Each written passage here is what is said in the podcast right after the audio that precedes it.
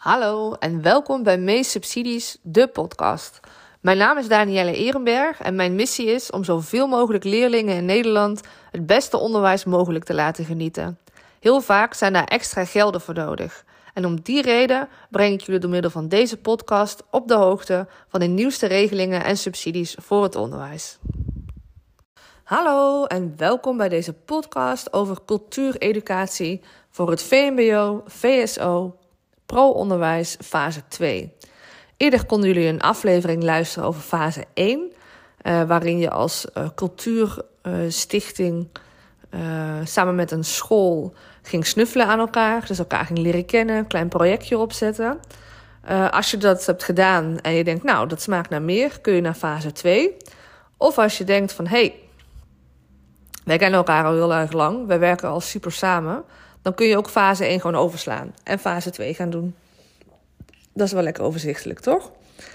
Um, nou, wat gaat fase 2 dan eigenlijk over? Want wat kun je dan samen ontwikkelen en, en wat betekent dit dan eigenlijk? Nou, wat vooral voorop staat, is het creatief vermogen van de leerlingen bevorderen. En dat ga je doen door middel van het opzetten van een project. En dat project duurt een jaar of twee tot drie. Uh, dat hangt een beetje van de activiteiten af die je wil gaan doen. Het is belangrijk uh, dat, de, uh, dat de cultuurpartner waarmee je samenwerkt, dat die gaat aanvragen. Uh, en dat dat een stichting is. Dus als het een ZZP'er is die een fantastisch netwerk heeft, dat is, van, dat is super. Alleen dan moet die ZZP'er even naar de KVK om ook een stichting te worden. Want anders kun je niet aanvragen. Nee, en wat ga je dan aanvragen? Het creatief vermogen van de leerlingen staat voorop. Um, en dat betekent dat je met elkaar inzichtelijk moet gaan maken wat je gaat doen om dat creatief vermogen te bevorderen. Wat is creatief vermogen? Daar hebben ze een heel document over opgesteld op de website van cultuurparticipatie.nl. Dat moet je even goed bestuderen en eventueel, als daar vragen over zijn, contact opnemen met het fonds. Uh, indien je klant bent bij Meest Subsidies, uh, kun je ook toegang krijgen tot de privé-podcast en daarin leg ik het helemaal uit. Uh, want ik heb al contact gehad met het fonds. um, naast dat je de inhoud van je project en je projectplan verwerkt, uh, geef je ook heel goed aan hoe je samenwerkt. En de reden dat dat belangrijk is, is omdat uh, soms wel eens voorkomt dat mensen dan zeggen: Nou, wij als school weten het fantastisch. Die cultuurinstelling die komt gewoon en die doet zijn ding en dan gaat hij weer en wij borgen het en et cetera.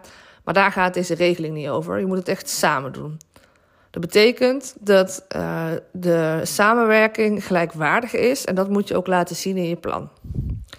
Laat ook zien van, ja, hoe gaat het dan verder na het project. Dus niet van, oh, de subsidie stopt, oh, klaar. en we gaan weer door met de orde van de dag. Moet ook wel echt een impact hebben. En uh, wees realistisch met uh, nou ja, wat je opschrijft.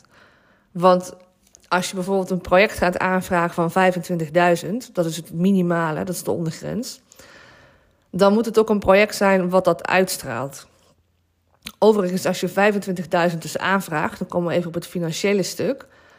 Dan is dat als je in Nederland woont, dus het, het land Nederland, is dat 65% van je uh, totale begroting. Dat betekent dat je 35% zelf bijlegt. Mocht je nu een onderwijsinstelling zijn uh, een culturele instelling op de BES, dus Bonaire, Sint-Eustatius of Saba, dan is het maximaal 80%. En dan kun je nog 20% zelf bijleggen. En met zelf bijleggen uh, betekent dat je natuurlijk uren erin mag zetten. Dus dan zeg je bijvoorbeeld een docent is 50 uur of 50 euro per uur. En dan telt bij elkaar op. Maar het mag niet alleen uren zijn. Je moet ook echt geld bijleggen. Dus er moet budget gereserveerd worden door de school om hier aan bij te kunnen dragen. Dat budget hoeft niet die volledige 35 of 20 procent, of uh, sorry, niet die volledige 35 procent als je een school bent in Nederland, of die 20 procent als je een school bent op de best te zijn. Het kan ook zo zijn dat de culturele instelling nog wat bijlegt, maar er moet wel echt een bijdrage zijn die substantieel is, waaruit ook uh, de ambitie blijkt. Want als je niet zelf wil bijleggen, waarom zou je dan het project willen? Toch? Dat klinkt wel logisch. Nou, en verder is het goed om te weten uh, dat je ook je NPO-geld mag besteden hieraan of je CEP-budget. Uh, en dat je tot dus maximaal 80.000 kunt aanvragen. Dus jouw bedrag van jouw project is 25 tot 80.000 aan subsidie. En daar doe je dan nog uh, de 35% of de 20% bij. Dus stel, even uitgaande van die 80.000, dan is, uh, dat is dan 65%. Dan 35% komt daar bovenop. Dat is 43.076. Dus jouw project is dan in totaal 123.076 euro. Als je een uh, school en een culturele instelling bent op de BES, dan is 80.000 80 procent. En dan moet je dus nog 20.000 zelf bijleggen. Dan heb je dus een project van een ton. Denk je dat je dat uh, niet waar gaat maken of dat de activiteiten die je doet, dat dat minder is? Nou ja, vraag dan minder geld aan. Dat, zo makkelijk is het dan ook alweer. Mocht je vragen hebben naar aanleiding van deze subsidie, neem vooral contact op. Kijken we even met je mee. En uh, ja, je hebt de tijd. De deadline, de uiterste deadline is 28 maart 2024. Uh, dat duurt nog even, maar het is wel zo dat het op volgorde van binnenkomst beoordeeld wordt. Dus dat betekent dat als je nu aanvraagt, tot uh, 22 weken daarna pas de uitslag te horen krijgt.